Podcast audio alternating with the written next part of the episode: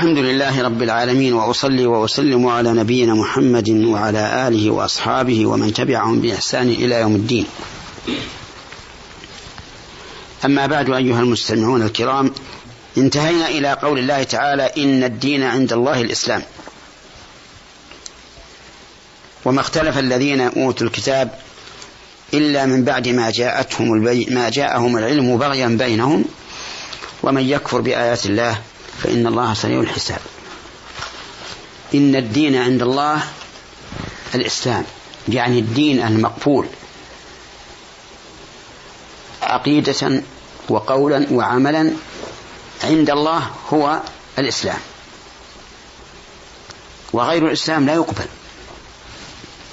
والإسلام بالمعنى العام هو الاستسلام لله تبارك وتعالى.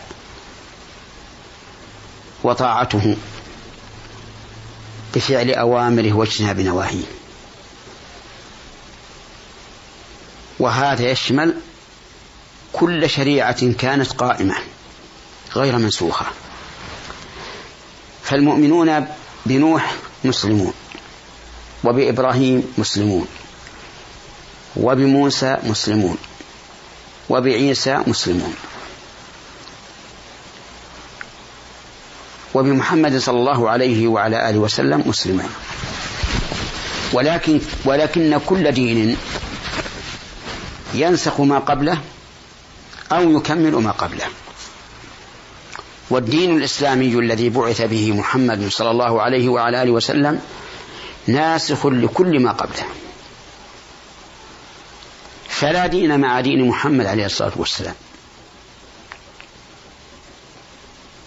ولهذا قال النبي صلى الله عليه وعلى آله وسلم لا يجتمع في جزيرة العرب دينان فلا يقام فيها كنيسة ومسجد أو بيعة ومسجد لا بل مسجد فقط لأن الجزيرة هي أم بلاد الإسلام كما قال تعالى لتنذر أم القرى ومن حولها. والإيمان يأزر إلى المدينة كما تأزر الحية إلى جحرها يرجع.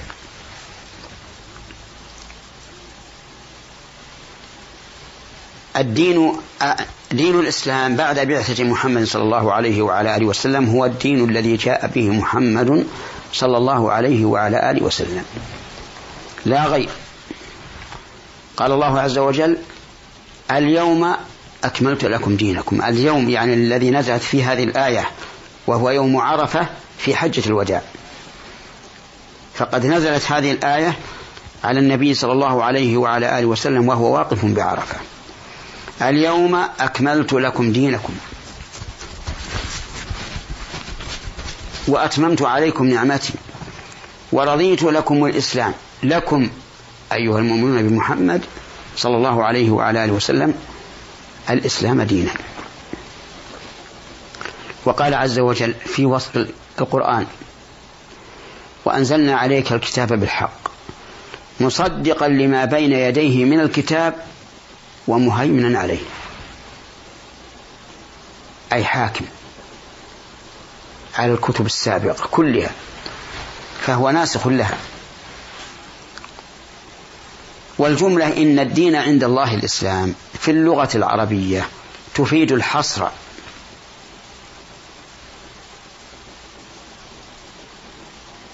وهو أعني الحصر إثبات الحكم في المذكور ونفيه عما سواه. فكأنه قال ما الدين عند الله إلا الإسلام. لكن جاءت إن للتوكيد. واستفيد الحصر من تعريف جزئي الجملة. الدين الإسلام.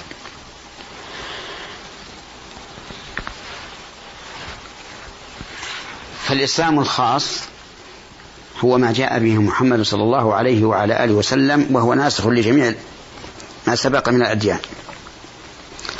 وما اختلف الذين أوتوا الكتاب إلا من بعد ما جاءهم العلم. يعني ما اختلف الذين أوتوا الكتاب وهم اليهود والنصارى. اختلفوا منهم من آمن ومنهم من كفر. إلا من بعد ما جاءهم العلم أي العلم الثابت المتيقن. وقد كانوا يعرفون النبي صلى الله عليه وعلى آله وسلم كما يعرفون أبناءهم. يعرفون ذلك؟ بما ذكر من أوصافه في التوراة والإنجيل. كما قال عز وجل الذي يجدونه مكتوبا عندهم في التوراة والإنجيل.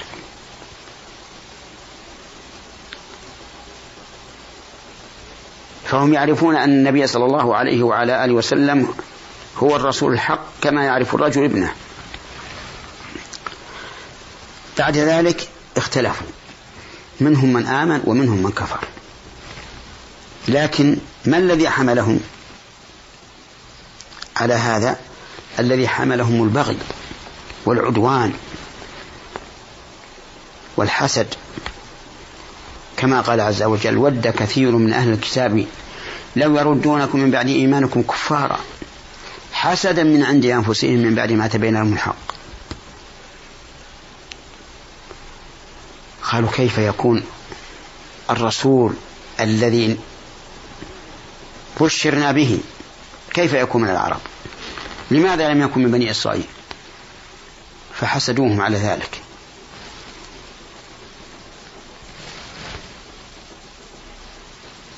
ثم قال عز وجل مبينا حكم هؤلاء ومن يكفر بآيات الله فإن الله سريع الحساب. من يكفر بآيات الله الدالة على شرعه وعلى صدق رسوله محمد صلى الله عليه وعلى آله وسلم فإن الله سريع الحساب أي فسيحاسبه الله عز وجل وما أسرع حساب الله.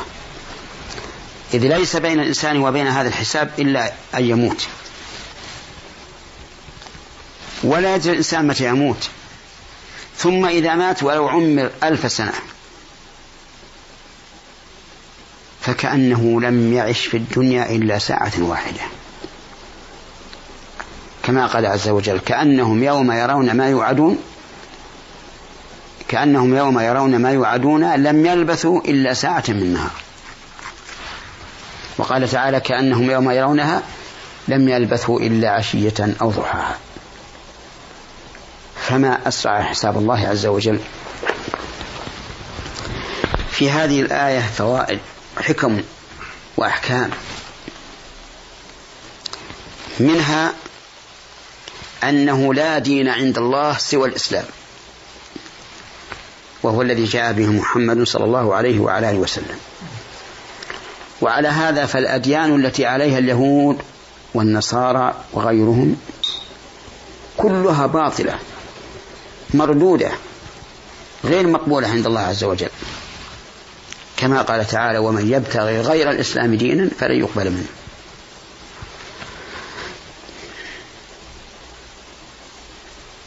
وتوهم اليهود والنصارى أنهم على دين مقبول عند الله الآن وهم مكذبون لمحمد صلى الله عليه وعلى آله وسلم. ما هو إلا أماني. أماني كاذبة. فإنهم والله ليسوا على شيء. وليسوا على دين. كيف وقد كفروا بمحمد صلى الله عليه وعلى آله وسلم.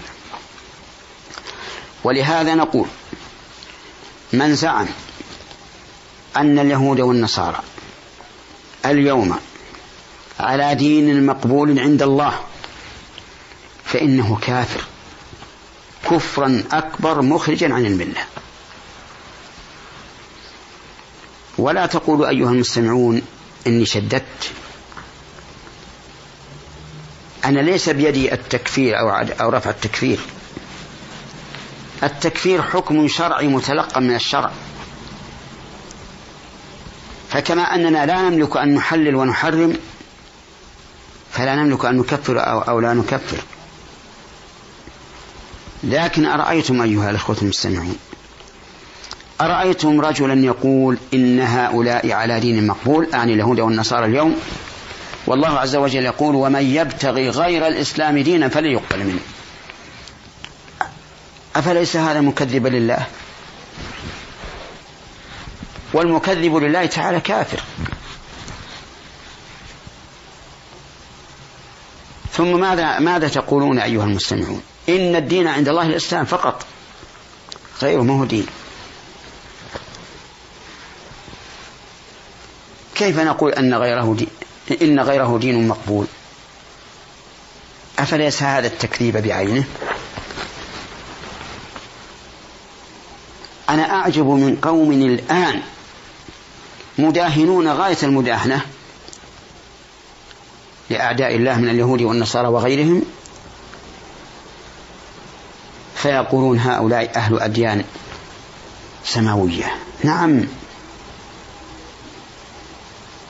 دين اليهود دين سماوي حين كان كانت شريعتهم قائمة. أما وقد نسخت فالذي شرعها أولا هو الذي رفعها ثانيا. وكذلك يقال في النصارى.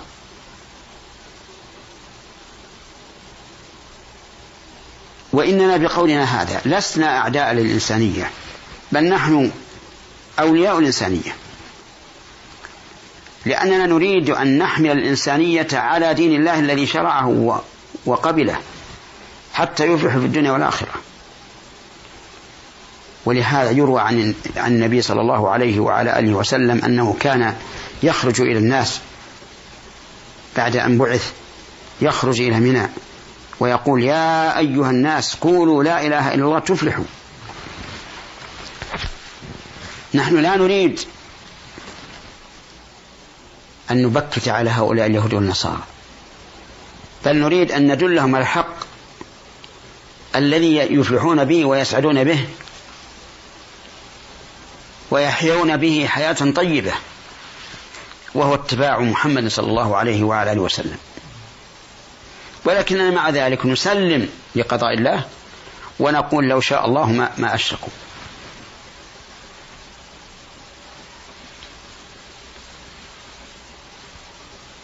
وأما أن نداهنهم ونقول أنتم على حق أنتم أهل دين سماوي وما أشبه ذلك من العبارات التي يقولها من لا يفهم معناها أو من لا قيمة للإسلام عنده أو من لا قيمة للإسلام عنده.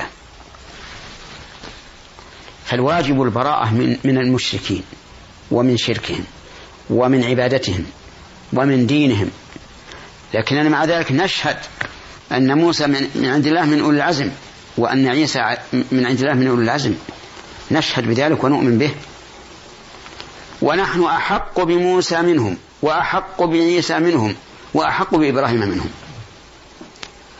قال الله عز وجل إن أولى الناس بإبراهيم للذين اتبعوه وهذا النبي والذين آمنوا. والله ولي المؤمنين. هذا هو الواجب على كل مسلم. وهذا لا يمنع أن ننتفع بما عندهم من العلوم الدنيوية.